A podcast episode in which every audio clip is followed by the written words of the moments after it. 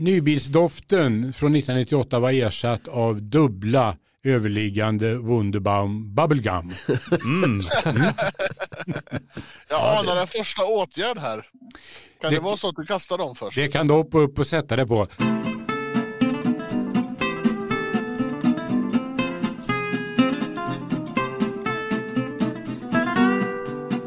Hallå hallå och välkommen till ett nytt avsnitt av Studio Klassiker.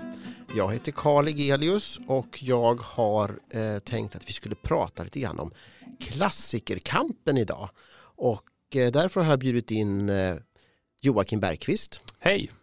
Sen har vi Fredrik Nyblad med oss. Hallå! Och Kalle Karlqvist. Hej hej! Och eh, Klassikerkampen är alltså en eh, liten inter internationell väldigt eh, lokal och eh, intern tävling som vi har utlyst i Klassiker mellan tre redaktörer. De har fått 20 000 kronor var att köpa en bil för.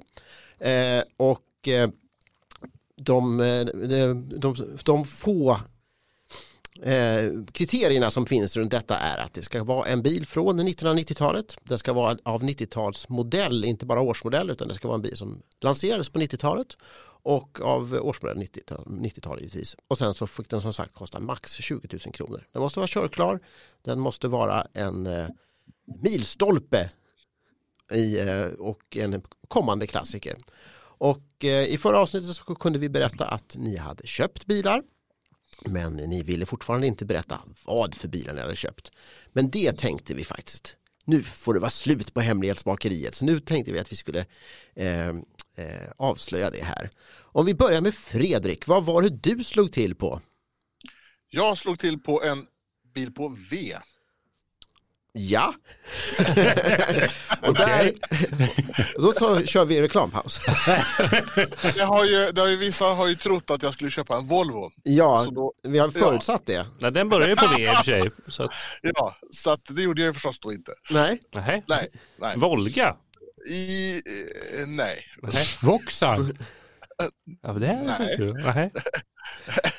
nej, det blev en Volkswagen. Ja. Eh, en Golf Cabriolet. Och eh, mm. det är ju då en 98, eh, så det är ju då en lite speciell generation kan man säga. Ja, den, eh, det, det, var alltså Volkswagen Golf Cabriolet var en, en, eh, en överlevare vid sidan av de vanliga modellserierna så att säga. Mm. Och det gäller ju då inte bara den första generationen som ju överlevde inte bara Golf 2 utan också delvis producerades när Golf 3 fanns. Men då när Golf 3 hade börjat tillverkas så kom ju då en ny cabriolet och den kunde man ju inte göra sig av med när, när Golf 4 kom. Så vad gör man då den här gången? Jo, då gjorde man en facelift så den skulle se ut som en, en 4, eh, åtminstone lite på utseendet optiskt framifrån och sådär. Så att, vad ska man kalla den modellen? Ska vi kalla den i USA säger de 3,5 och, och, i Sverige så blir det någon slags folköl då, så det är någon slags folkölskabriolet jag köpt då kan man säga. Är det volymprocent eller viktprocent? ja, precis. det är en bra fråga. Ja, spännande. Eh, sen har vi eh, Kalle då. Vad, vad, ja. vad, hur, hur ser ditt bilval ut? Jag köpte en bil på V. Och du skulle köpa en Opel trodde vi. Ja, alla trodde ja, väl att jag skulle Eh, en Vopel. En Vopel. en eh, Opel Vectra? Ah, nej, och det var många, eh, jag fick en del tips om, om det också, att jag skulle köpa Opel Astra av olika sortiment. Men så, de bedrog sig, jag tackar även för bidragen, men ni bedrog er. Jag köpte en Volvo S80 av första årsmodellen, en 2,9 vill jag noggrant påpeka. Det vill säga en sådan som har en tvärställd sexcylindrig radmotor.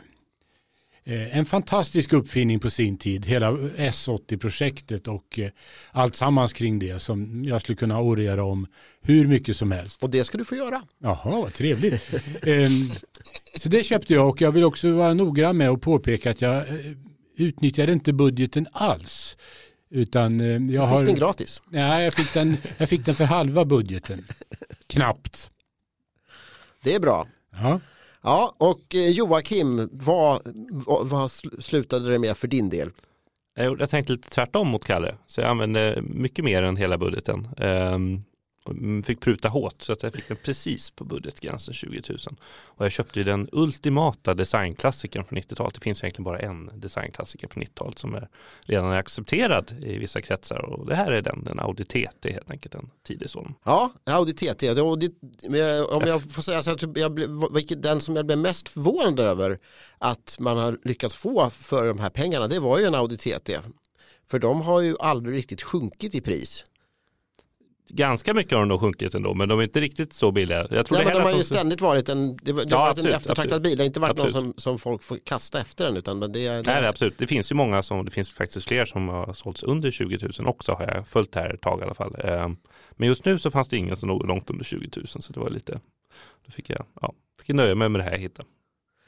Eh, Fredrik, eh, när man köper cabriolet på hösten, är det, är, det, är det så som det är, att det är ett, ett bra läge att köpa en cabriolet på? Jag har ju följt ett antal annonser, inte bara på den här bilen jag köpte och det verkar ju vara lite trögt faktiskt. Eh, så det, det, kan nog mycket väl vara så att det, det gäller att passa på här nu.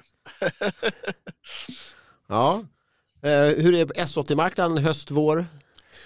Den är på en behaglig, jämn, låg nivå.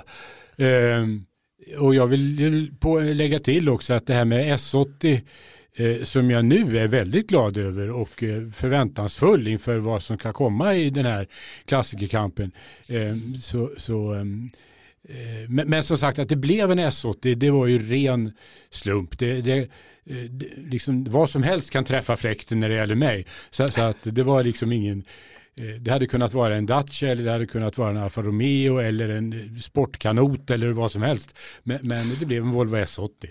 Dacia av 90-talsmodell? Vad... Sportkanot tänkte jag, vad sa du det? Fastna på det. Ja.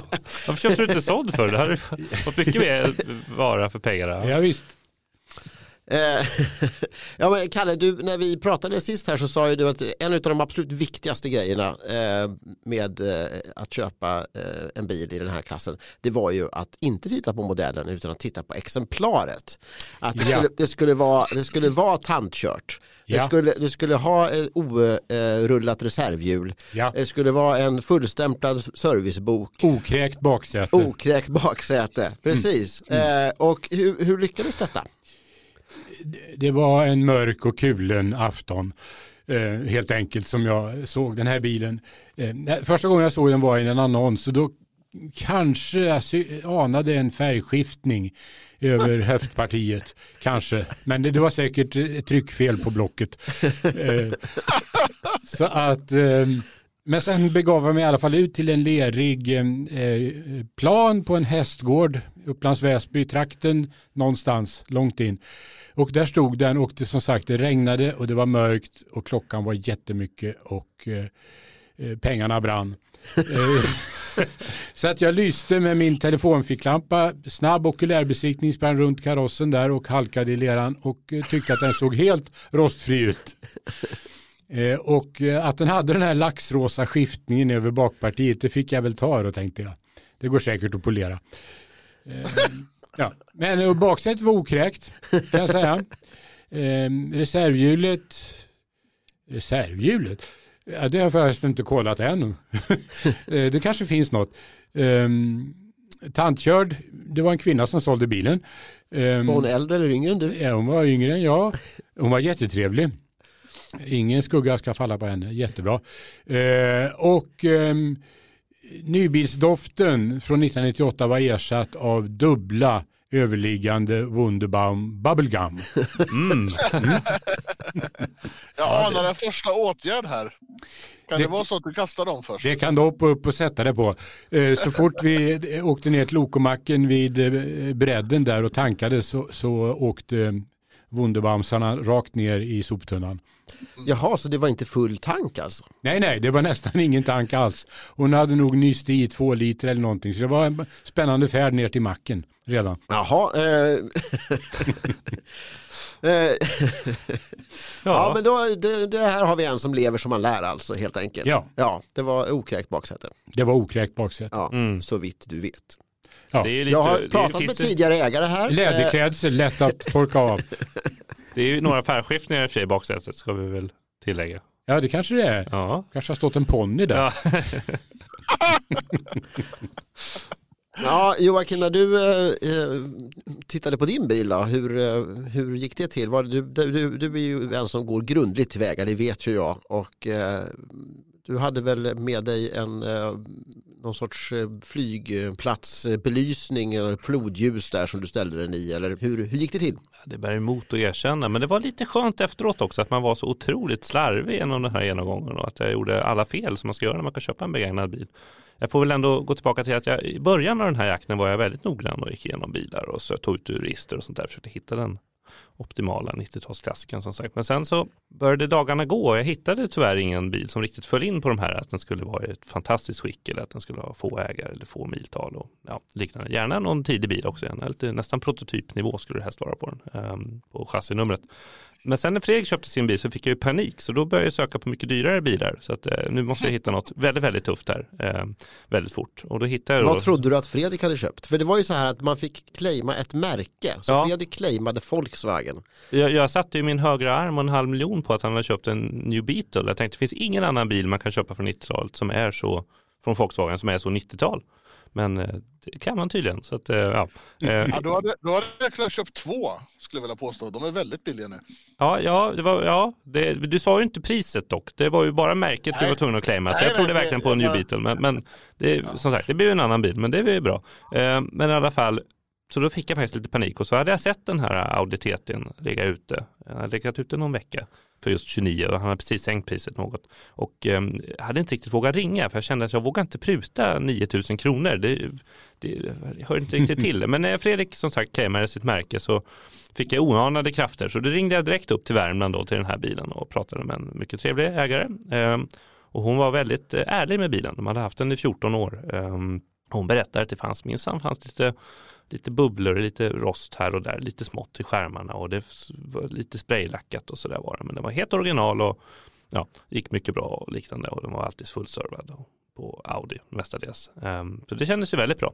Så åkte vi upp till Värmland, det var ganska lång resa dit, eh, kom dit ungefär vid tolvtiden. Eh, väldigt mörkt, eh, väldigt, väldigt regnigt också. Så jag gjorde, man ska inte köpa en bil när det är mörkt och regnigt, men ja, tänkte det kan vara kul att prova. Ehm, så att ehm, den såg ganska, ganska fin ut, för den var ju ganska blöt på karossen. Jag hade inte med mig någon bra ficklampa, så jag gick runt med en liten dålig mobiltelefon försökte lysa upp och man såg att det fanns lite skador och liknande men ja, överlag ändå ett skapligt skick. Ehm, och den gick jättebra. Eh, den rök ingenting från turbon. Det kan ha varit i och för sig för att motorn redan var ganska väl uppvärmd. Eh, väldigt generöst av dem, slipper vi tänka på det. Eh, och sen när vi körde iväg med bilen då, då hängde en svärson svärsonen med här och han hade stor bilerfarenhet men så att eh, vi var ute och körde där och det slamrade lite från framvagnen tyckte jag och jag tyckte att jag hörde ett lite missljud höger fram men då passade han på att demonstrera stereon och det är en sån här eh, Audi original med Bose-tillägg då så det var ju väldigt fint ljud i den där då de här kassettbanden som satt i och CD-skivorna i CD-växeln ska jag tillägga. Ehm, ja, så vi slog till. Ehm, jag fick den för 20, det hade vi gjort upp redan innan. Jag hade inte vågat åka till Värmland utan att göra upp priset innan.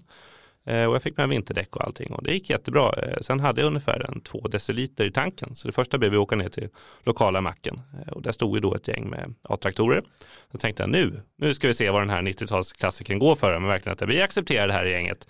De tittade inte så mycket på den kan man säga. Utan det var lite mer roligt att kolla in i skogen såg det ut som ungefär. Så jag kände att det, det, här, det, det här kanske inte blir så bra.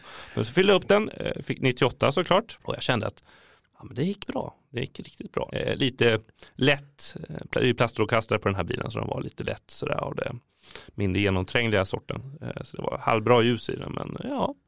Och det här ljudet, missljudet höger fram hördes bara lite, lite mer desto närmare vi kom redaktionen. Så att eh, överlag ett helt Du okej dig mycket nöjd helt enkelt.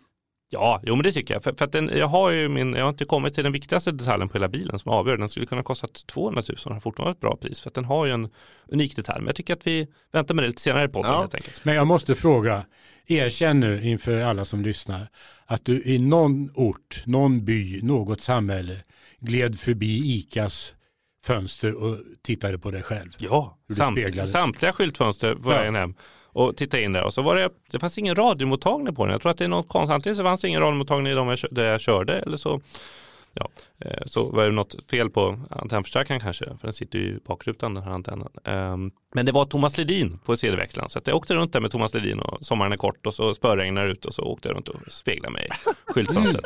Och kände att Ja, Livet är ändå ganska bra. nej, det var inte så jag kände alls faktiskt. Jag kände bara, ja, jag hoppas de andra köpte något riktigt uselt här faktiskt. För att det här lär nog inte hålla så länge till. Nej, men jag är jättenöjd med mitt köp, det är jag verkligen. Och som sagt, den har en unik detalj. Men det får ni veta om en liten stund. Okej. Ja, Fredrik, eh, som jag har förstått så har du också köpt bil i, eh, i allt annat än gynnsamma, under allt annat än gynnsamma förhållanden. Det, det regnade ganska kraftigt, eller? Ja, precis. Och man ska absolut inte köpa bilar i regn för då ser man ju inte en massa lackskador och sånt där. Och det gjorde ju inte jag heller. Eh, Men eh, säljaren sa en väldigt förnuftig sak. Han att, att eh, då märker du ju om suffletten är tät. Och det hade han ju rätt i. Om suffletten var tät. Det är bra. Eh, och han pekade också ut ett antal eh, bu- bulor på, på karossen och sådär. Och det fanns också lite rost upptäckte jag sen. Men eh, ja, men jag tyckte ändå den, den, den ser väldigt fin ut om man står på fem meter. Vad är det för, den är, vad är det för färg på den? Det är grönmetallic med grön sufflett och det tycker jag var väldigt tjusigt. Plus då eh, väldigt fina BBS-fälgar. Så det, jag tyckte det, den såg väldigt anslående ut eh, för att vara en design som närmast påminner om en köttbulle. Berätta mer, vem köpte en Golf Cabriolet? Ja, Alltså, jag tycker ju golf, alltså, man får ju dra en linje ända från 1950 och de första bubbla cabrioleterna, att det var ju ett sätt att, att ha det lite bättre. Eh, och, och det är ju, Karman har ju gjort dem, gjorde ju dem redan från början, bubblar och sen golfcabrioleterna. Och, eh, jag har ju varit hos dem i Osnabrück och, och där stod det på stora skyltar eh, att man stod för demokratiseringen av att åka öppet. Oh, Eh, och, och demokratisering på tyska eh, betyder nog mer att, att det är tillgängligt för fler. Eh, och, och det tycker jag är, det, det, det är liksom, det är ju, det är ju fortfarande en ganska, eh, en bil som, som eh, ganska många kan köpa, men det är ju betydligt dyrare än en vanlig bil, men det är ändå liksom ett sätt att att ha, ha det lite bättre om man har möjlighet. det är ju spännande att du har varit på fabriken i Åsnabrück. Hur är det med er andra? Har ni varit på den fabrik som eh, tillverkade er bil? Ja, det har jag varit. Jag har varit både på fabriken och eh, på den eh, provbana som eh, skildras i Vi bilägare 8 1998. Där bilen, alltså Volvo S80 T6, för första gången kördes av den församlade motorpressen. Så att jo, då, jag har varit både på bana och fabrik. Ja, och Joakim, har du varit i, är det, var, det- tillverkas de i, Ungern. i Ungern? Mm, men då, karossen byggdes ju då i Ingolstadt och där har jag haft möjlighet att besöka fabriken och eh, museet. Eh, Medan resten av bilen och slutmonteringen av auditeten skedde då i Gör i nordvästra Ungern. Där har jag tyvärr inte varit. Men jag planerar på att åka dit nu med min fantastiska TT. Ja, Mm. eh, det, är- Ja. det, är bara, det är bara att ladda med Thomas Ledin och sen... Ja, de har fått skicka tillbaka skivor där nu tyvärr, så nu har jag inga skivor alls dessvärre. Men, ja. men jag har ju lite andra ljud att lyssna på i den där bilen, så det, det är okej. Men eh, det där är ju spännande med Audi TT då. Eh, som sagt, den slog ju ner som en bomb eh, designmässigt. Kan du dra lite bakgrunden? Ja, den kom på Frankfurtsalongen 95 så visade man upp då den här kupén. Och det slog ju ner som en, som sagt, som en bomb när den här bilen kom. Det, det blev en väldigt stor snackis den här. Den var ju med på nästan alla framsidor på biltidningar runt om. Och, och att, för Audi hade ju ändå på ganska kort tid, jag menar på 70-talet var Audi inte så mycket att räkna med. På 80-talet kom Quattron och slutet på, kom V8 på slutet. Och, eh, men sen på 90-talet hände det någonting. Då tog de ju verkligen ett kliv in i det här premiumsegmentet. A8 hade ju presenterats, aluminium, hela aluminiumbilen. Och den gick ju i stort sett oförändrad från konceptbil till produktionsbil. Och sen så visade man upp då TT'n eh, 95 och det blev ju en lika stor snackis. Eh, och sen så följde man upp då eh, den här succén får man ändå säga med på Tokyo-salongen samma år. När man visade upp TTS Roadster, en, eh, ja, en avskalad cabriolet helt enkelt. Och då då sa man redan då att den här kommer att komma i produktion? Eller? Ja, om intresset är tillräckligt stort så kommer vi bygga den, sa de lite kaxigt på plats. Eh, och intresset var ju stort, det kom ju flera tusen som ville köpa den här bilen på väldigt kort tid. Eh, men det dröjde några år eh, innan den kom i produktion, så det var egentligen först 98 de första bilarna började rulla ut eh, och de första provkörningarna skedde. Ehm, och sen kom ju cabben då ett år senare ungefär, till Roadstern. Och det man hade gjort då när man ändrade från konceptbilen till produktionsfärdig bil så hade man ju som sagt lagt till en sidobakruta för att få lite mer normala linjer. Men annars så var karossen i stort sett oförändrad. Och även inredningen var ju väldigt spektakulär mycket aluminiumdelar och mycket det här cirkulära som går igenom både på ventilationsupplåsen och Eh, Eh, det är en radiolucka med aluminium exempelvis. Det står TT på. Den var stort sett också oförändrad från prototyp, eller konceptbilarna. Så, att, eh, det är en väldigt tuff inredning. Och, eh, för det kanske var många som trodde att, för att under till så bygger den ju på samma plattform som Audi A3 första generationen och senare Golf 4 och ja, en rad VAG-bilar. Men inuti ändå får man ändå säga att de har verkligen fått en, det är inte många knappar som är gemensamma med de mycket enklare syskonen. Ja, det är rattspakarna och det är till ljuset, men resten är till elhissarna och eh, storsvärmeknapparna är helt fantastiska. De är fjäderbelastade, så de trycker man på, sen vrider man på dem så är det olika dioder som tänds upp. Så att det är mycket, mycket mer. De har fått liksom behålla den här designen ganska fint rakt igenom. För det måste ju varit, eh, det här var ju i början av det här, säga, när man verkligen började genomföra det här plattformstänkandet i ja, den här koncernen. Och då var man väl väldigt mån om att verkligen sär odla varje märke, mm. eh, vilket inte jag upplever att man är idag.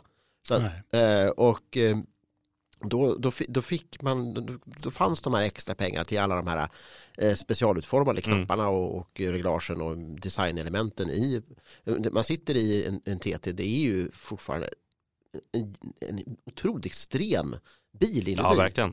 Efterföljarna har ju blivit faktiskt mer nedtonade. Får man ja. säga. De har behållit det här lite runda men inte alls lika spektakulärt med det här eh, grepphandtag eh, mitten på mittkonsolen. Två rejäla aluminium som sitter fastskruvade med torkskruvar. Så att jag menar, eh, och mycket torkskruvar rakt igenom som faktiskt är funktionella och håller, faktiskt håller fast. Likadant med växtboxdamasken sitter också med torkskruv. Hur, är, är det de här aluminiumgrejerna, det är, det är lite kilopris på dem så här så man kan ja. skruva av dem kanske? Och... Mm, de är borta, avlägsna från min bil nu, så nej det är de inte, de sitter kvar. Men jag har faktiskt tagit bort dem för tvätt, jag gör rent lite runt omkring. För det, det, är väldigt svårt att nå annars om man inte plockar bort de här, så då fick man känna på kvaliteten. Okay. Men, men som sagt, inredningen är ju faktiskt slående fortfarande, för många 90-talsbilar i allmänhet kan ju faktiskt kännas ganska daterad på insidan, eh, de, absolut mm. de flesta. Speciellt mm. tidigare då, de känns de väldigt mycket, det är väldigt mycket svart plast och sen på slutet när många tillverkare försökte få in lite mer trälister och aluminiumlister. Det var ju Volvo S80 väldigt tidiga på det, hyfsat tidiga i alla fall på det, man erbjuder mycket. Så känns de fortfarande ganska daterade eftersom att de, de har inte sina skärmar och liknande. Medan TT'n har ju som sagt, allt är ju bakom paneler så det finns ingen gammal radio som gör så att den känns omodern utan istället så är det ju väldigt få knappar, väldigt snygga knappar ehm, och ganska avskalad panel. Så den skulle mycket väl kunna presenteras 2020, den här inredningen. Det kanske man inte kan säga om Volvo S80 att det är så avskalat eller? Nej, den är ju... I alla fall mycket knappar. De har skakat på pepparströaren ganska mycket där på instrumentpanelen. Men jag vill bara tillägga Joakim att jag var på den där salongen när den första stilstudien presenterades. Ja, ja. Eh, och, och gick och sparkade däck där på den där bilen och tyckte att den var ju fantastisk. Och jag pratade med designchefen Peter Schreier han hade många att prata med kan jag säga för det var ett stort intresse kring den där mm. bilen, extremt. Och alla tyckte jättemycket om den. Eh, han nämnde då att eh, eh, man kan tänka på den som en sentida efterföljare, eh, åtminstone i anden, eh, till de här tyska specialbilarna som byggdes på 30-talet. Mm. Eh, Autobahn Kurier. Alltså som snabbt och effektivt skulle, skulle pila kors och tvärs i tyska riket med viktiga dokument och eh, handlingar och så. Mm. Eh, Som en slags rörpost över hela Tyskland. En slags rörpost, ja. precis. Eh, det, var, och det var lite grann så, när han sa det och man tittade på den där speciella designstudien, då tänkte man att ja, fan ta mig, det stämmer. Mm. Eh, som, nu var ju det mycket större bilar, det var ju Merca, med, med, med kompressorladdade Mercedes och annat, men, men eh, just i tanken så fanns det någonting där. Mm. Och vilket inte minst eh, då den här tyska silverfärgen bidrog till. Mm, verkligen. Mm. Och det här eh, nästan lite rymdhjälms eh, ansiktslucken som bilen har. Va? Att eh, den är gjord för att dåna fram i rymden. Mm. Ja, den liknar ju verkligen inget annat och samtidigt så är det någonting bekant över den. Ja, ja. precis. Ja, en, en svensk träleksak väl? Ja, ja. Brio bil. Ja. När jag ser den, jag, jag, får, jag kan få sådana fullständigt stolliga associationer ibland. Jag tycker att den borde vara den tredje roboten i Star Wars. Mm, mm. Något sånt ungefär. Ja. ja, men Kalle, var du med när Volvo S80 presenterades också alltså?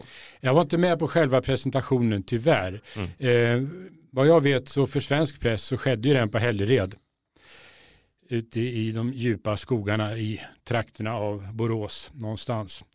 Um, ja, jag har aldrig varit där. Fredrik, har du varit där? Ja, jag har kört Saab där. Det är fantastiskt, eh, ett, ett fantastiskt ställe och Ja. det är Ja. alltid väldigt svårt att beskriva var det ligger någonstans. Men det är väl meningen? Ja, jag körde ju eh, Volvo S80 eh, ganska mycket då när de var nya, men jag vill ändå i det här sammanhanget referera till vår modertidning Vi bilägare som i nummer 898 har en otroligt utförlig lång artikel om överklassracern som Oh. rubriken lyder. Eh, För det har vi ju hört många gånger under bilhistorien att nu, nu har Volvo tagit klivet upp. Nu ska minsann Audi och, och eller i synnerhet BMW och Mercedes Mm. få se på vem de stungit haver. Eh, Och den här artikeln som eh, Marianne Sterner har skrivit är eh, full av lyriska intryck. Eh, Så att, eh, men om man ska placera bilen på kartan lite grann då, så är den då den första bilen ut på det som kallas för projekt P23 och eh, det ynglade sen av sig i andra modeller som fick andra kodbeteckningar. Eh, och eh, de har ju en hel del gemensamma designdrag de här bilarna. Eh, och det är ju då Volvos dåvarande designchef Peter Horbury som hade ansvaret för formerna och ehm, eh, den var ju väldigt säregen den formen på alla sätt och vis. Eh, vilket jag vill återkomma till sen när vi ska prata om en, eh, en copycat som dök upp på andra sidan jordklotet från vänster. Eh, men bilen i alla fall, eh, den var ju verkligen enastående ny på många sätt och i synnerhet då de här sexcylindriga versionerna som naturligtvis jag har köpt den. Eh, tvärställd rak sexa fram och eh, alla ni som lyssnar vet ju att det redan hade förekommit. Eh, många föll i fällan och sa att det var en unik lösning men Leyland Princess hade det förstås redan Och även på eh, 70-talet. eh, den modellserien före Leyland Princess. Ja, The Land Crab Eh, eh, Precis. fanns ju med detta också. Ja. Eh, men det där vet ni. Ja. Eh, men det som var så sensationellt med den här bilen var ju att den även fanns då med en T6-version med dubbla turbo. Eh, som hade Volvo gone mad helt plötsligt och 272 hästkrafter. Ja, det hade de kanske gjort. Ehm, de, det var ju verkligen en statusbil på många sätt. Men de hade ju samtidigt sörjt för säkerheten. Det fanns whips i bilen. whiplashskydd whiplash-skydd och det fanns en världsnyhet i form av en sidokrockgardin. Och sen en väldig massa andra säkerhetsdetaljer förstås. Så att eh, Volvo tyckte att de hade ordentliga raggsockor på fötterna i alla fall när bilen lanserades. För det här var ju fortfarande Volvo, jag tycker de, de gick in på det här, det började egentligen med 700-serien, att de lanserade den toppmodellen först. Ja, Och sen så blev, då, när man, 740 kom sen så var det ändå en smak av direktörsvagn. Mm. Liksom. Och det var samma sak här med S80, att man, Ja. man började med de värstingarna först. absolut. Så var det. Ehm, Det är en ganska smart strategi. Ja, ja visst. Det har har ju funkat alldeles utmärkt och man har ju, man har ju liksom fått så har man på ett smart sätt också planterat vissa detaljer i enklare bilar som är hämtade från den ex mest exklusiva modellen. Eh, Jag vet till exempel när det kom ju en eh, S60, nu gäller det att hålla tungan rätt i munnen för det, det är så Mm. många bilar som kommer rätt vad det är. Men det, så kom det en S60 som hette 2,4 T i början. Just det. Och den hade, vilket ägarna till 2,4 T ofta påpekar, den har minsann bromsarna från T5. Mhm. Ah, just det, de har de större bromsarna Ja, framme. Just de det. hade ja. större bromsar. Mm. Så att det, man, det, det var väldigt smart det där. Att man, eh, och man hade köpt, man, eller på den tiden då för den delen, en 740 GLE Mm. som ju var andra bilen i det där utvecklingssteget. Ja men då hade man, ja, man hade simplare fälgar och lite sådär. Mm. Men man hade dekorrand på karossidan. Just det, man bara plockar lite grejer. Ja, Ja, lite krom eh, som var ja kvar. så jag är inte helt misslyckad ändå. Nej, precis. Måste, vi pratar just om det här smarta att man börjar med att lansera lyxmodellen och sen så går man neråt i modellserien. Ja. Det kan ju ta upp en annan 90-talsbil som gjorde precis tvärtom och den fick ju ganska mycket skit för det. Det är ju Porsche, Porsche Boxster kom ju först. Ja. Första ja, vattenkylda med den här nya speciella fronten.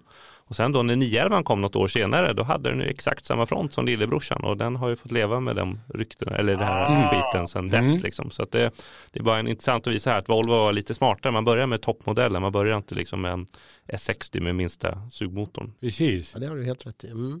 Ja, men jag måste säga en annan sak när det gällde S80s debut. Precis parallell i tid var ju faktiskt Saab 95. Mm. Och jag fick lite sådana där gamla 80-talsvibbar med Saab och Volvo, Borg och Stenmark. Helt plötsligt, fan nu har svensk bilindustri kommit in i andra andningen här. Mm. Nu kan det bara gå uppåt. Mm. Ehm, För den var, i synnerhet vill jag nog påstå, S80 var ju en spektakulär bil på många Mm. sätt.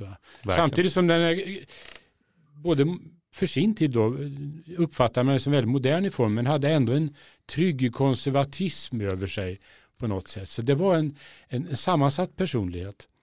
Det, det är det första som då börjar återspegla eh, vissa designelement som, som det här, den så kallade catwalken som ju Ja, två- 240 och Amazon och så hade. Att, alltså att det är en, en vulst mitt på karossen. Den skuldran eller vad man ska kalla den. Skuldran, ja precis. Ja.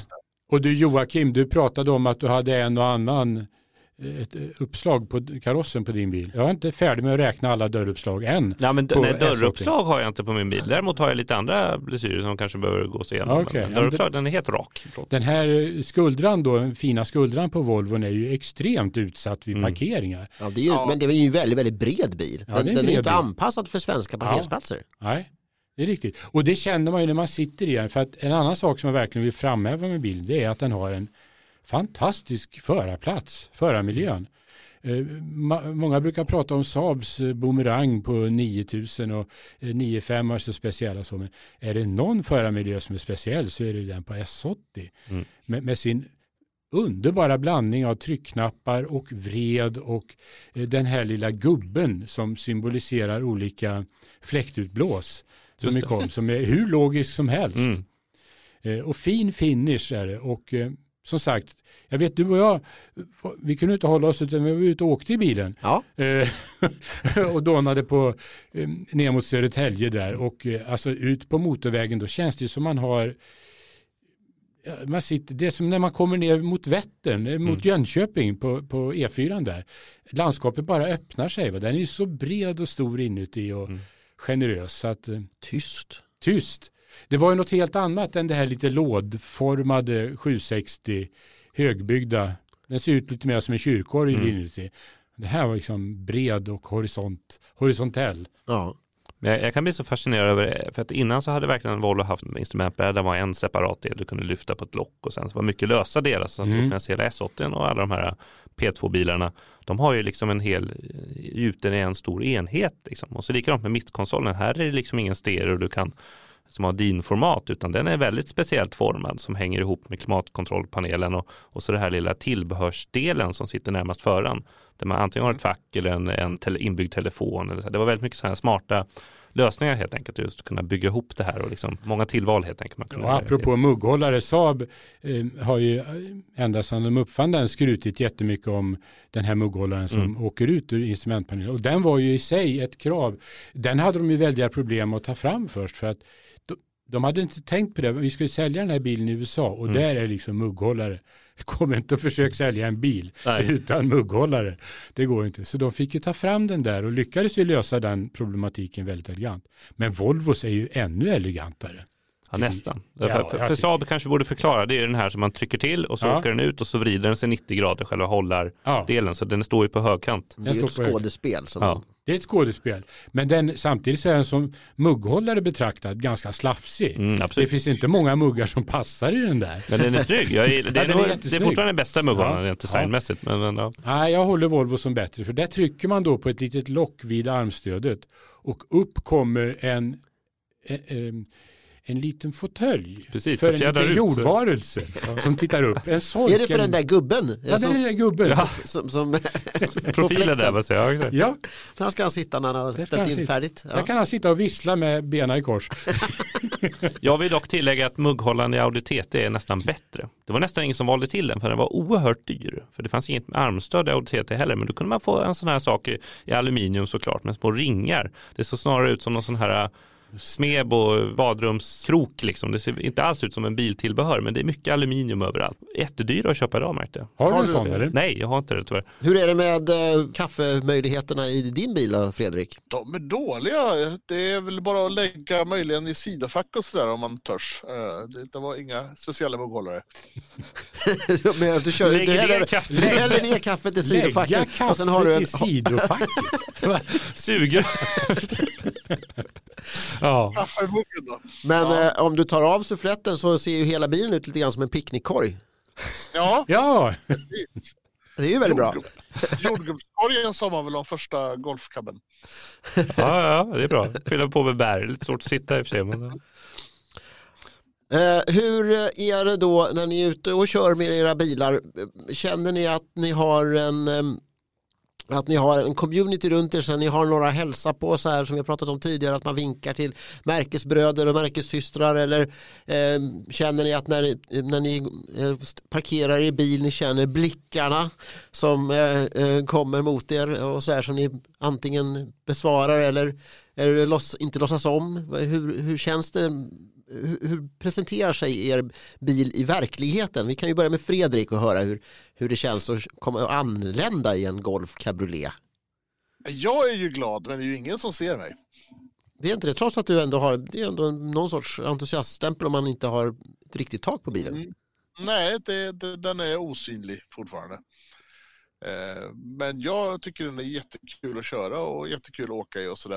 Jag tycker det är en rolig upplevelse. Men, men eh, jag tittar ju runt omkring mig sådär, men det är nej, ingenting. Har, du börjat, har du noterat några andra eh, Golf Cabriolets som du eh, det brukar ju vara så när man har köpt en bil, plötsligt, plö- först, Ja. då, först då börjar man se andra exemplarer. Så här. Hur, fin, hur, är det, hur förekommande är den? Nej, jag ser bara rostiga variant, eh, alltså vad heter det, variant, kombivarianten eller något sånt där. Eh, och andra vanliga golffyror. Men inga cabriolet. Jaha, så du, du identifierar dig med golffyrorna alltså, inte golftyrorna? Mm, intressant. okej, Mm. intressant. Det- det- Man vill ju ligga i framkant. Bakkant snarare. Ja. Ja, Ja, men, men, Ja, men Kalle då, du, du måste ju ha många kompisar med S80, det är ändå en, en väldigt speciell bil. Jag kan tackla den frågan på två sätt måste jag säga. Eh, den första är att eh, eh, om vi skulle heja på varandra, då skulle jag bli tvungen att montera någon slags sån här sensorsystem med en hand som åker upp någonstans i höjd med vindrutans överkant som, helt automatiskt. Om man bara pratar om Volvo-bilar av den här typen, för de är ju precis överallt. Ja. S80 finns väl inte riktigt lika många. Men jag har ju tyvärr noterat, och här måste jag Eh, Karl citera din farbo som en gång skrev på fantastiskt rolig mening eh, när vi skulle vara ute och köra våra bilar så kom jag i en Opel Kadett 1,2 med automatlåda, en 71 eller någonting. Och då skrev din far i texten där att eh, eh, och sedan kom Kalle Karlqvist in på planen med sin bil och väckte tillbörlig uppmärksamhet, det vill säga ingen alls. Men Jag får ändå tillägga att jag försökte titta lite på, nu när jag vet vad ni andra har köpt där och se hur många man ser i trafiken. Och jag har nog sett eh, ja, men en, en, en, tre, fyra, fem stycken TT. Så aldrig någon Golf eh, 4 eller Golf 3,5 eller vad man nu ska kalla den för. Men några Golf 3 har jag faktiskt sett ändå. Men S8 är ju överallt. Ja. Jag- Jag tycker ändå du borde ha som krav att det borde vara minst en 2,9. Eller det ska vara en 2,9 manuell för att du ska hälsa. Ja. Och då har du inte så många att hälsa på. Det finns nästan inga alls. Nej, det faktiskt det gör inte det. De, för, de försvann från rampljuset väldigt fort. Eh, Och apropå det så försvann även nian från mitt emblem i bak väldigt fort. Eh, Det, så att eh, på, på något nesligt vis så har någon ägare, någon av de 12 ägare som bilen har haft, eh, eller om det är 14, eller vad det nu är, eh, And, and counting. Ja, and counting. Eh, har klistrat dit en, en, en nia från en helt främmande art. Eh, så att det, ser verkligen visset ut på bakluckan. Kom inte fram Lite till att snett dessutom. kom inte fram till att det troligtvis är en sexa från en Peugeot 406 de har snurrat 180 grader. Ja, så var det. Ja, Jag just tror det i alla fall. Så att om det är någon som har en Peugeot 4.0 och Ja. undrar var sexan är någonstans så kan eh, Kalle. Återfås byta. mot beskrivning. Ja, exakt. Ja, eh, men Joakim, du har alltså sett några TT. Har du, har du, har det varit så att ni har mötts så att du kan, har kunnat se om, det är någon, om, det är, om ni noterar varandra? Eller?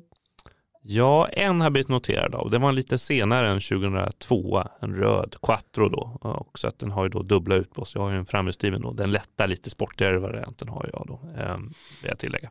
Eh, men så jag har aldrig sett någon mer framhjulsdriven, utan det har bara varit några Quattro kupéer man har sett i, åka runt. Mm. Och det är fortfarande så att det är, de flesta har haft väldigt många ägare, det ser man liksom på bilen utan att titta, men det är fortfarande några av de här som man har mött som är tuffa killen. Han som var tuffast på, på Söder 2003, han kör fortfarande runt i sin TT. Liksom. Jag har fastnat där. Precis. Men det, finns inget, det, finns inget, det finns vissa bilar som inte har, det finns någon logisk efterträdare till. Mm. Även om det har lanserats nya TT så var ju den faktiskt inte riktigt lika häftig som den första. Då gick man vidare till något annat, då köpte man en SUV troligtvis istället om man ville vara tuffa killen eller tuffa tjejen. Ja. Då, då, det har hänt ett skifte där, den här innebilen som alla reklambyråer och sånt där liknande. Jag skulle säga att en Tesla är väl en sån bil idag kanske, Ja. men att eh, TT var verkligen där. De, var väldigt många just jobba byrå. Man jobbade IT eller reklambyrå, då körde man Audi TT och det, även min har ju gått på en reklambyrå inne i centrala Stockholm när den var ny. Så att, eh, ja. Aha, okej. När- Hur gammal, hur tidig är ditt, eh, din bil? Ja, den är ganska tidig. Jag önskar att den hade varit ännu tidigare. Men den är byggd till och med den 4 februari 99 och de började byggas 98 så den är lite senare. Men det är en av de absolut sista som byggdes där de inte hade en spoiler monterad på bakluckan. Nu är det spoilervarning. Ja, precis. ja, precis.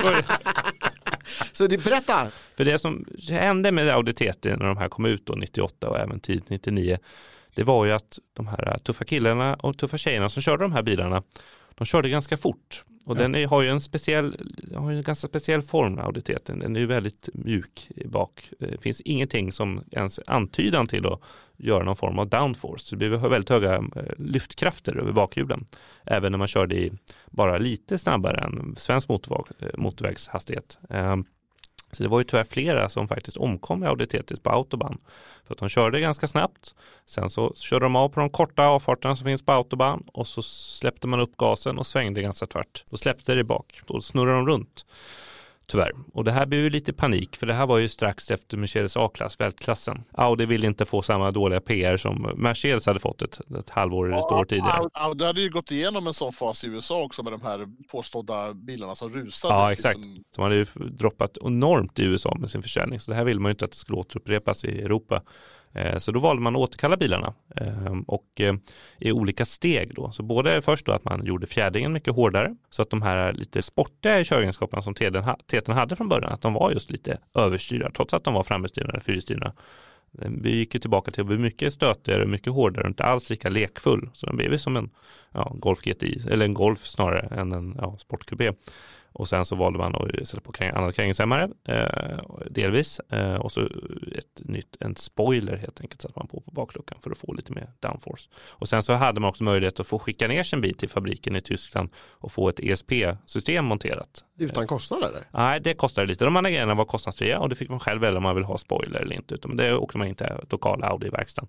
Eh, Medan den andra var då skickades ner till Tyskland. Det var lite olika beroende på när det skedde men det var ju enorma kostnader det här att bygga tillbaka en bil. För menar, montera på ett ESP-system då var man tvungen att gå in och byta hydraulaggregatet i ABS och liknande. Så det var ju väldigt, väldigt omfattande arbete. Ja, som jag minns det så var bilarna borta ganska länge från sina Ja, ägare. flera månader. Det krävs jag tror flera veckor innan man fick sin bil återkalla och Många vågade inte köra med sin bil och ja, det var väldigt, väldigt dyrt. Ehm, och framförallt var ju folk livrädda. Jag vet att Teknikens Värld eh, skrev om det här då när ni jobbade där. Ehm, så skrevs det om det här att eh, folk var ju ganska upprörda. Man köpte en Audi för 300 000 plus.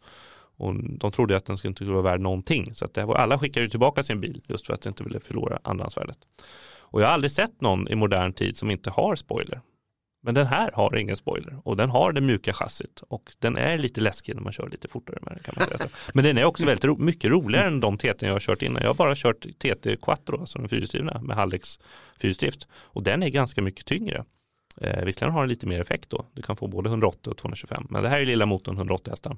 Eh, och den är betydligt mycket roligare att köra än vad de senare uppdaterade bilarna är. Jaha, och, men har du försökt att reda ut varför den inte är, har fått eh, spoiler då? Är det någon som, som absolut inte ville svika de eh, designidealen från eh, designchefen som vi nämnde här för en stund sedan?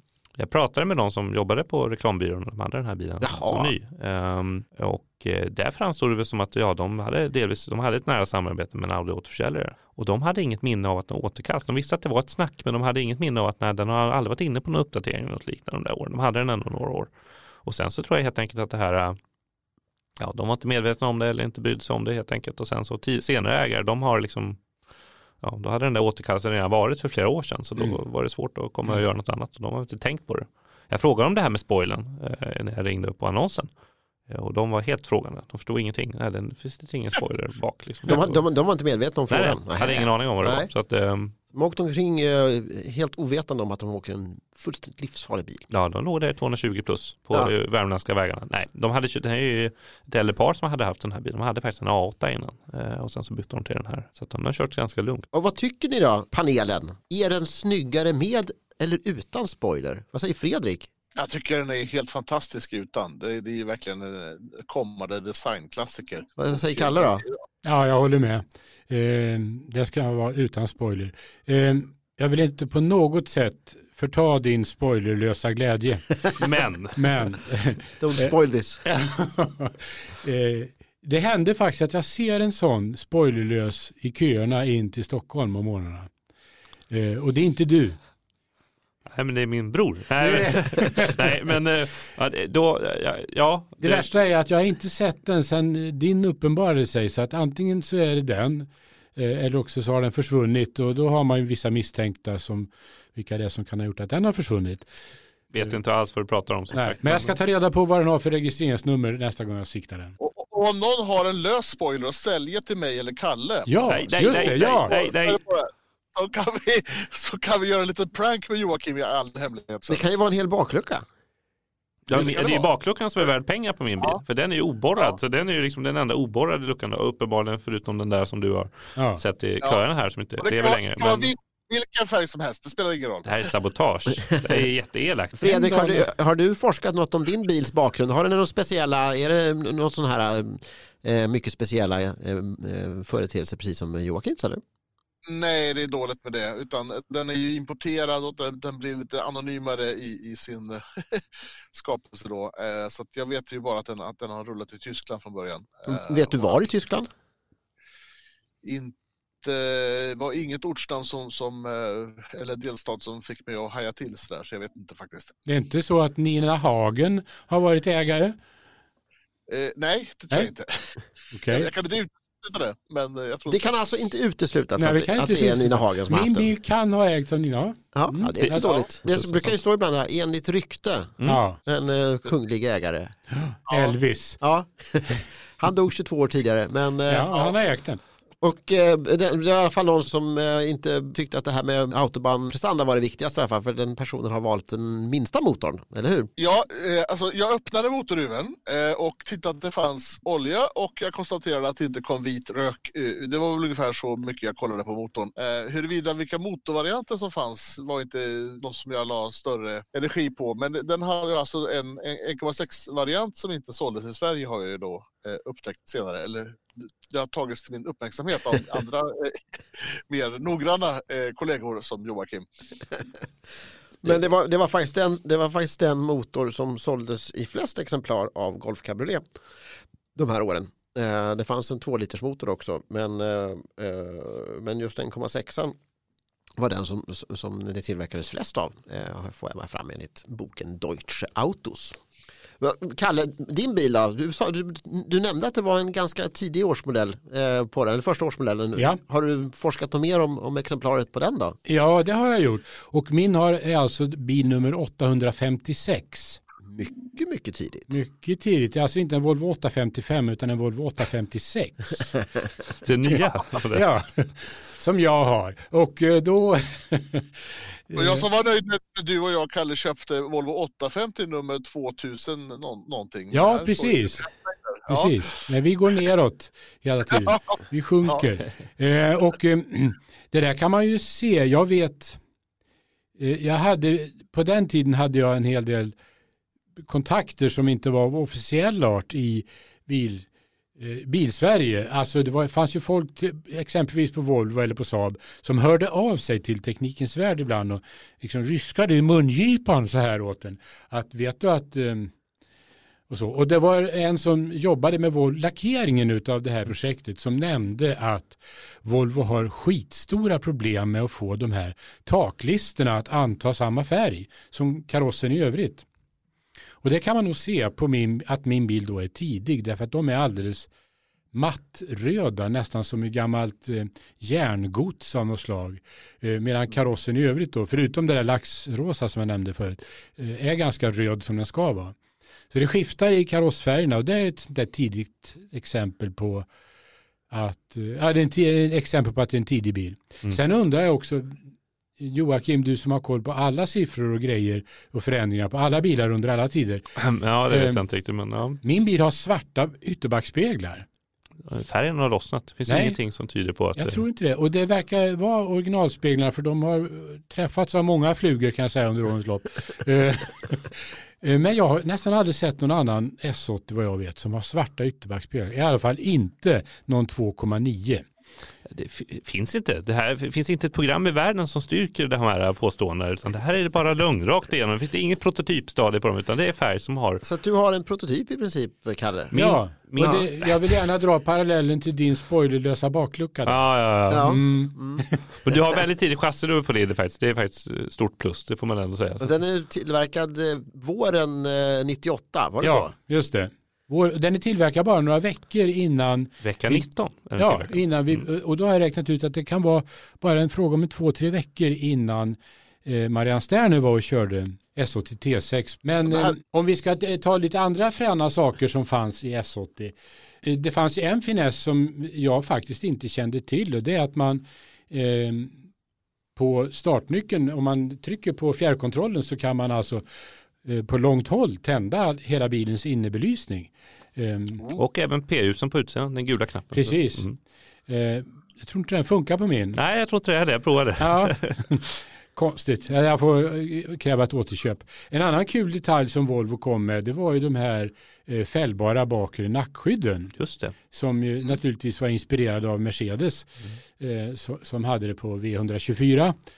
Eh, och där åkte de ju väldigt elegant ner bakåt i hatthyllan och liksom försvann ur sikte. Och då kan man tänka först att Volvo, ja, de gjorde sån här svensk lite hemslöjdsversion av det där och lät dem falla framåt och de var fortfarande i sikte när de var fällda. Men så var det ju inte alls utan det var helt enkelt det att då skulle man inte kunna sitta i baksätet utan att fälla upp nackskydden. Så det var alltså Volvos säkerhetstänkande som gick igen. Återigen, Det här är ju väldigt spännande. Ska vi ta några snabba frågor här om era bilar? Vi börjar med hur långt har era bilar gått? Vi börjar med Fredrik. Lagom skulle jag vilja säga. Du vet ju alltså inte Den har gått 16 900 mil. Alldeles lagom. alldeles lagom mycket. Och eh, Joakim, 21 000 mil har den gått. 21 000 mil. Mm. Det är alltså på 21 år, 21 år, det är Ja. alltså 1000 mil om året. Ja, det är ganska rimligt. Ja. Eh, Kalle, Ja, min är ju en lågmilare. Riktigt, annars hade jag inte köpt den. Den har bara gått drygt 31 000. Ja, men då så. ja. okej, ja, men det är bra. Och eh, antal tidigare ägare, Fredrik? Ja, i, jag vet ju bara hur många som haft den i Sverige och det är fem. Jaha, och eh, Joakim? Äh, Åtta, men jag vill ändå påpeka att den senaste ägaren har haft den i 14 år. Ja, det är bra. Kalles bil? Ja, nu blev det lite komplicerat här. Eh, Den har haft 12 ägare. Föregående ägare har haft bilen i fem veckor. Men när vi har tittat i ägarlängderna för bilen så visar det sig att samma ägare har haft bilen två gånger. En herre i Täby med ett visst mellanrum. Jaha, Ehm, och ehm, riktigt vad det beror på, det vet jag faktiskt inte. Jag har försökt att spåra ett par av ägarna. Den första ägaren har jag inte, eh, går inte att få tag på för han är ovan där.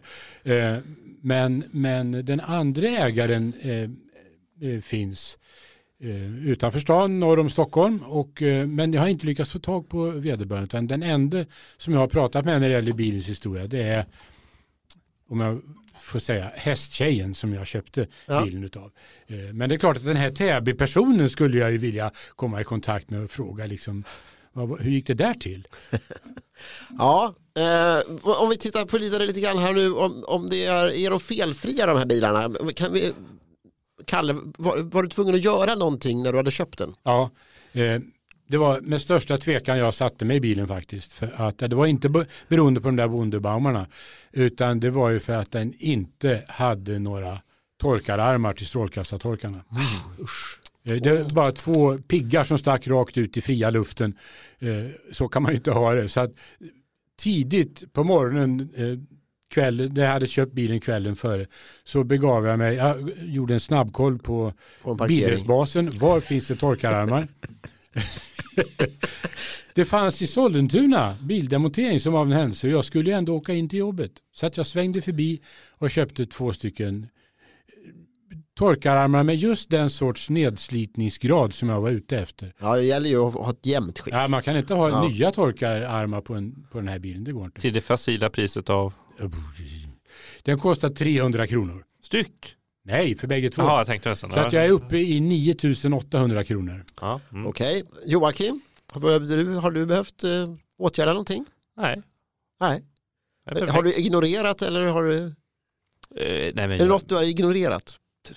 Nej, jag tycker det finns inga fel. Alltså visst, det är lite smårost sådär kanske på någon tröskel. Men, men jag menar, den är anständig bilen. Det finns dock en liten detalj.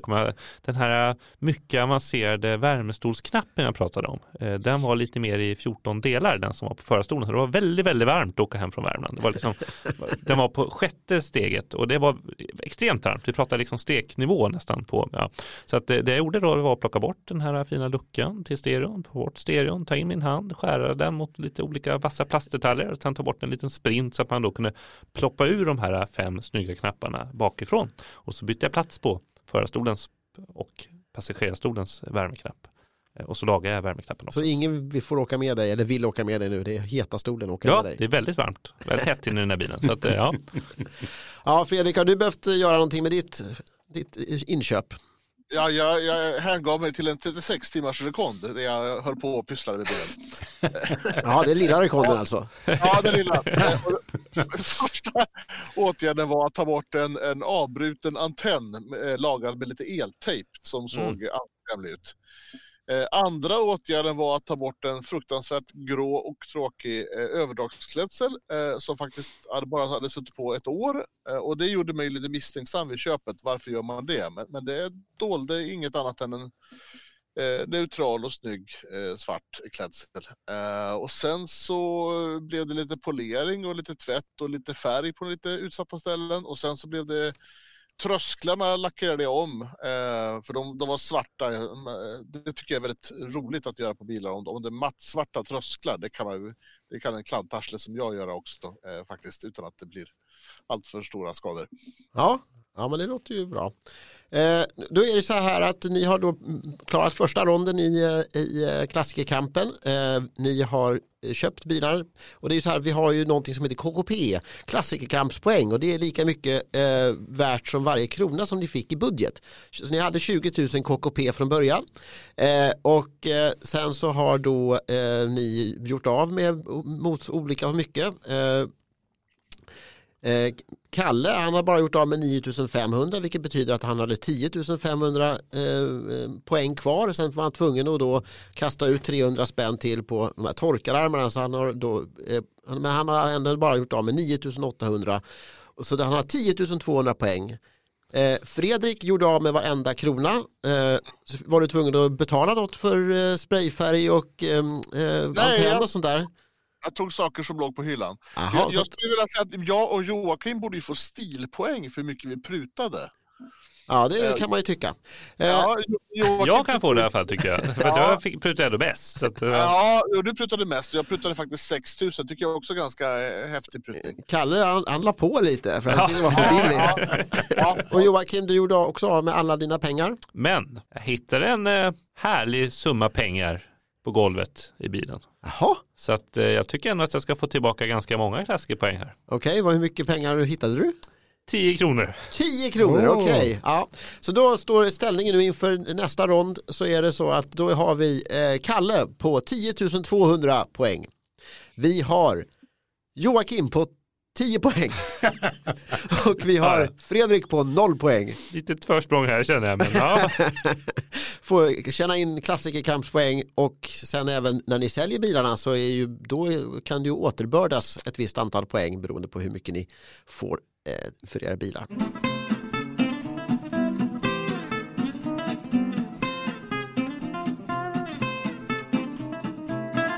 Ja, innan vi går vidare på nästa eh, punkt här i, pro i programmet så eh, vill Kalle säga en sak till om Volvo S80. Ja, du märkte det. Jag måste få citera lite grann ur den här artikeln som Marianne Sterner skrev som är så lysande formulerat där. För hon har pratat med designchefen om hur bilen ser ut. Och under rubriken Som en komet med klänning kan man läsa följande. Av den massiva kantigheten hos S90 och S70 finns inget kvar. Volvo S80 är slank som en gevärskula, rund i nosen, tvärt avhuggen baktill. Nu kommer jag pratminus Peter Horbury. Linjerna skjuter bakåt, de är liksom utan slut, som hos en komet med svans, visade chefsdesignern Peter Horbury med entusiastiska handrörelser. Och den svansen går utan på det mesta i bilvärlden. Bakluckan och skärmarna har en böljande form som understryks av de egendomliga bakljusen. Bakskärmarna svänger som kjolen på en lång klänning, gestikulerade Peter Horbury poetiskt. Det ger bilen en mycket dramatisk och graciös avslutning. Så egentligen, säger Horbury, är bakdelen viktigare än fronten. Fortsatte han med nyktrare ton. Det är ju en bils bakdel som andra trafikanter tittar mest på när de ligger i bilköer till exempel. Ja, den som legat bakom en Volvo S80 vet för all framtid vad han har sett. De linjerna varken glömmer man eller tar fel på. Nej men det är mycket bra uttryck tycker jag. Ja, det är ungefär exakt så jag tänker när jag ser din S80. Och jag måste säga det går då, inte att ose den. Nej, den är, nej tyvärr. Även där. Eh, och bara den allra sista avrundningen på den här avrundade eh, karossen så vill jag då säga att alla vet ju att den egentligen härstammade från den här märkliga gasturbinbilen som mm. Volvo visade 1992. ECC. ECC, alldeles riktigt. Vad är det? Jo, eh, det var då den här bilen. Men på andra sidan jordklotet, i Brasilien närmare bestämt, så tillverkades det ungefär samtidigt en bil som hette ME Lotus 424T som rakt av snodde karossformen från Volvo S80. Eh, och så byggde de den med eh, motor från Lotus eh, Esprit Turbo eller nej, det var V8. Eh, kommer inte ihåg. Och den är nästan en exakt kopia av Volvo ECC som sen blev S80. Eh, det gick naturligtvis inte så bra. De byggde 12 eller 15 exemplar av den där bilen. Men den fanns ändå. Den är liksom höljd i dunkel. Den är, den är som ett fenomen i regnskogen som alla har hört talas om, eller hur? Men ingen har sett. Så ja, är det. Lite som en S80 ritad ur minnet. Ja, just det. Precis. Klassikerkampen går vidare, vi kommer återkomma till det här och ni kommer kunna läsa i senaste klassiker, nummer 9, så finns allting om jakten med här och sen i kommande nummer så kommer vi att eh, berätta mer om följa klassikerkampen och även kanske här i podden. Jag tycker att vi eh, slutar när vi är på topp. Jag tackar så hemskt mycket eh, Fredrik Nyblad Tack. och Joakim Bergqvist. Tack. Och Kalle Karlqvist. Tack, tack. Och jag heter Karl Egenius och eh, tackar för att ni har lyssnat. Du glömmer väl inte att du kan gå in och eh, prenumerera på podden i valfri poddapp. Du kan också gå in och prenumerera på tidningen Klassiker om du nu inte har den.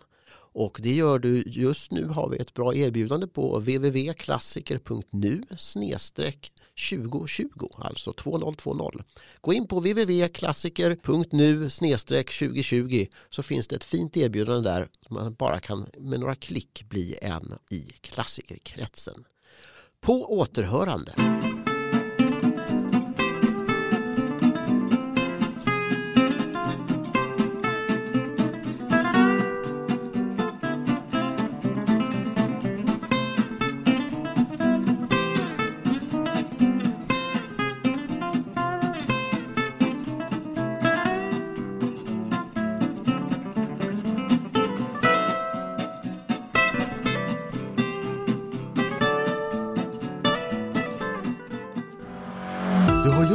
Ännu en fantastisk episod av Studio Klassiker och OK-förlaget producerar fler poddar.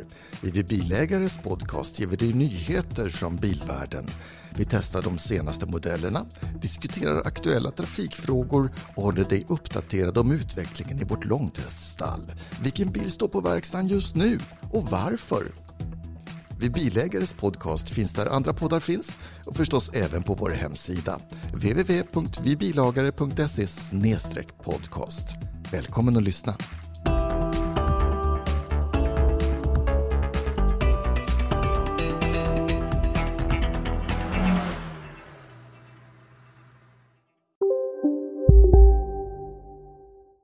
Hej, Synoptik här.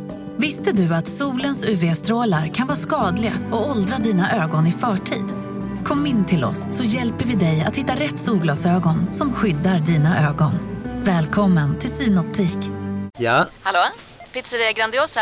Jag vill ha en Grandiosa capriciosa och en pepperoni. något mer? Med kaffefilter. Ja, Okej, ses samma. Grandiosa, hela Sveriges hempizza. Den med mycket på. Just nu till alla hemmafixare som gillar julast låga priser. En slangvinda från Gardena på 20 meter för vattentäta 499 kronor. Inget kan stoppa dig nu.